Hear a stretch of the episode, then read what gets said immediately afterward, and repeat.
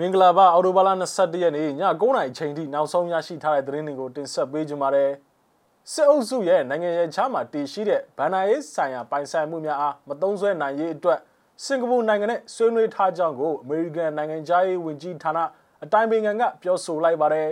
။တယ်လီနောမြန်မာအမှုဆောင်ရရှိများမြန်မာနိုင်ငံကနေမထွက်ခွာဖို့ကိုစစ်အုပ်စုရဲ့ဝန်ကြီးကတားမြစ်ဖို့လှုံ့ဆော်နေပါတယ်။စတဲ့သတင်းအကြောင်းအရာတွေကိုသတင်းထောက်ကျွန်တော်ထွန်းထွန်းဝင်းက တင်ဆက်ပေးကြပါမယ်။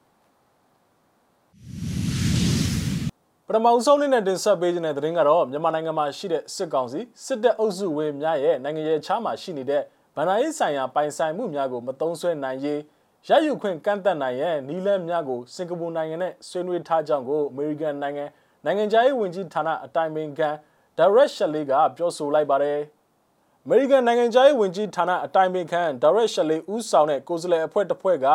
စင်ကာပူနိုင်ငံငွေကြေးဆိုင်ရာအာဏာပိုင်များနဲ့တွေ့ဆုံပြီးတော့ရင်းကဲ့သို့ဆွေးနွေးခဲ့တယ်လို့သိရပါတယ်။မစ္စတာရှယ်လီကစင်ကာပူငွေကြေးအာဏာပိုင်အဖွဲ့ရဲ့ဒုတိယစီမံညွှန်ကြားရေးဟိုဟန်ရှက်တင်းနဲ့တွေ့ဆုံဆွေးနွေးမှုကအကျိုးဖြစ်ထွန်းပါတယ်။မြန်မာစစ်တပ်အုပ်စုရဲ့နိုင်ငံရေးချားမှာရှိနေတဲ့ဗန်နာရဲ့ပိုင်ဆိုင်မှုတွေကိုရယူသုံးစွဲနိုင်ခွင့်ကိုကန့်သက်ဖို့နီလန်းတွေဆွေးနွေးခဲ့ပါတယ်လို့၎င်းရဲ့ Twitter မှာရေးသားထားတာပါ။၎ င်းရဲ့စင်ကာပူနိုင်ငံခီးစဉ်မှာစင်ကာပူငွေကြေးအာဏာပိုင်အဖွဲ့နဲ့အော်တိုဘာလ20ရက်နေ့မှာတွေ့ဆုံဆွေးနွေးခဲ့ခြင်းဖြစ်တယ်လို့သိရပါတယ်။၎င်းကစင်ကာပူနိုင်ငံနိုင်ငံခြားရေးဝန်ကြီးနဲ့အစောပိုင်းကတွေ့ဆုံခဲ့ပြီးတော့မြန်မာရေးပါဝင်ဒေသအကြောင်းအရာများကိုလည်းဆွေးနွေးခဲ့ကြပါသေးတယ်။လာမယ့်အာဆီယံထိပ်သီးဆွေးနွေးပွဲနဲ့ဆက်ဆက်ဆွေးနွေးပွဲများအတွက်အာဏာသိမ်းစစ်ကောင်းဆောင်အစားနိုင်ငံရေးနဲ့မပတ်သက်သူ ကိုယ်စားလှယ်တဦးကိုဖိတ်ရန်အာဆီယံဆုံးဖြတ်ချက်အပေါ်မှာအမေရိကန်နိုင်ငံကထောက်ခံကြောင်းကိုအမေရိကန်ကိုယ်စားလှယ်ကပြောဆိုခဲ့ပါသေးတယ်။ဆလဗီတင်ဆက်ပေးခြင်းတဲ့သတင်းကတော့ချင်းပြည်နယ်ဟာခါမြို့သို့ယမန်နေ့အော်တိုဘာလ20ရက်နေ့ကရောက်ရှိလာတဲ့စစ်ကောင်စီရင်တန်းမှာစစ်သားများအပါအဝင်၎င်းတို့ရဲ့မိသားစုဝင်များကိုပါတွေ့ရှိရနေတယ်လို့ဒေသခံများကပြောဆိုနေပါတယ်။ ဖလန်ကနေထွက်လာတဲ့စစ်ကောင်စီရင်တန်းကမနေ့ကညနေ3နာရီကျော်အချိန်လောက်မှာဟာခါမြို့တဲ့သို့ဝင်လာကြတာပါ။ညကလည်းစေယုံဘက်ကိုကားတန်းမောင်းသွားတာတွေ့တယ်။ကားပေါ်မှာတချင်းဆိုပြီးអော်လာကြတာမိုးတွေရွာနေလို့တဲတဲကွဲကွဲတော့မကြားရဘူး။ဝင်လာတဲ့ကားတန်းကတော့တန်ချက်ကကားနှစ်စီးနဲ့စစ်ကားစီးရေ90ကျော်တယ်မိသားစုဝင်နေမျိုးသမီးတွေလည်းကားပေါ်မှာတွေ့တယ်ကြည့်ရတာရဲဘော်တွေထွက်ပြေးမှဆိုလို့မိသားစုဝင်တွေကိုပါတခါတည်းခေါ်သွားခိုင်းတယ်လို့ဒေသခံတို့ကဆိုပါတယ် အဆိုပါစစ်ကောင်စီရင်တန်းဟာဖလန်းမြို့ပေါ်မှာအော်တိုဘာလ23ရက်နေ့မှာစတင်ထွက်ခွာလာပြီးတော့အော်တိုဘာလ20ရက်နေ့မှာဟာခါကိုရောက်ရှိခဲ့ခြင်းဖြစ်ပါတယ်ဟာခါမြို့နဲ့ဖလန်းမြို့ကမိုင်40ကျော်ကွာဝေးတယ်လို့သိရပါတယ်နောက်ထပ်တင်ဆက်ပေးခြင်းတဲ့သတင်းကတော့ social media အသစ်တီထောင်လိုက်ပြီဖြစ်တယ်လို့ American သမ္မတဟောင်း Donald Trump ကကြေညာလိုက်ပါတယ်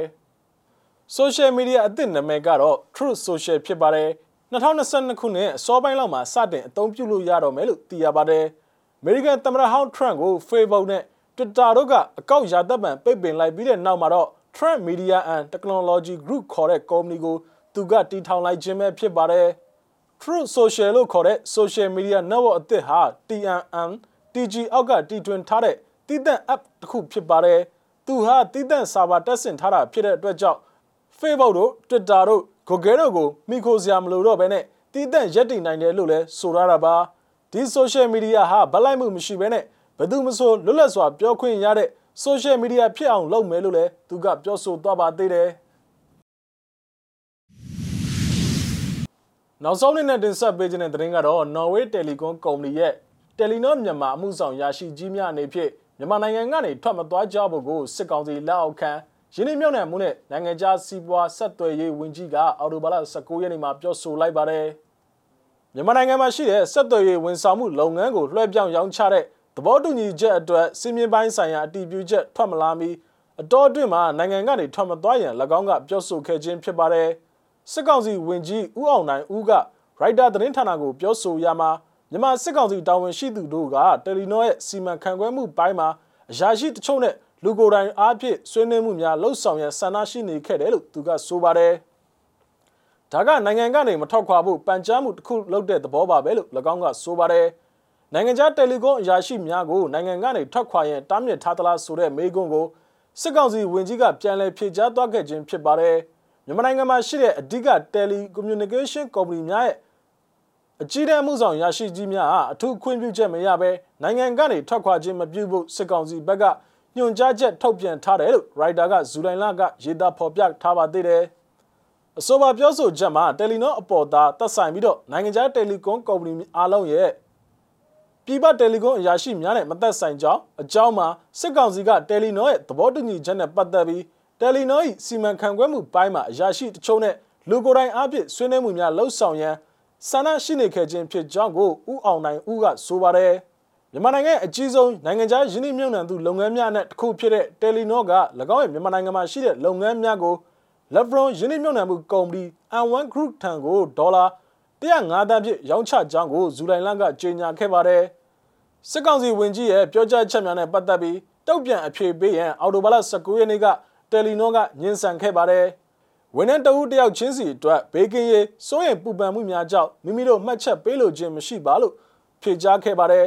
တယ်လီနောအနေဖြင့် M1 နဲ့အကြားမှာသဘောတူညီချက်တစ်ခုရှိထားပြီးတော့၎င်းနဲ့ပတ်သက်ပြီးတော့စီးမြင့်ဆိုင်ရာအတည်ပြုချက်တွေကိုစောင့်ဆိုင်နေရတယ်လို့လည်း၎င်းကဖြည့်ဆွတ်ဖြေကြားခဲ့ပါသေးတယ်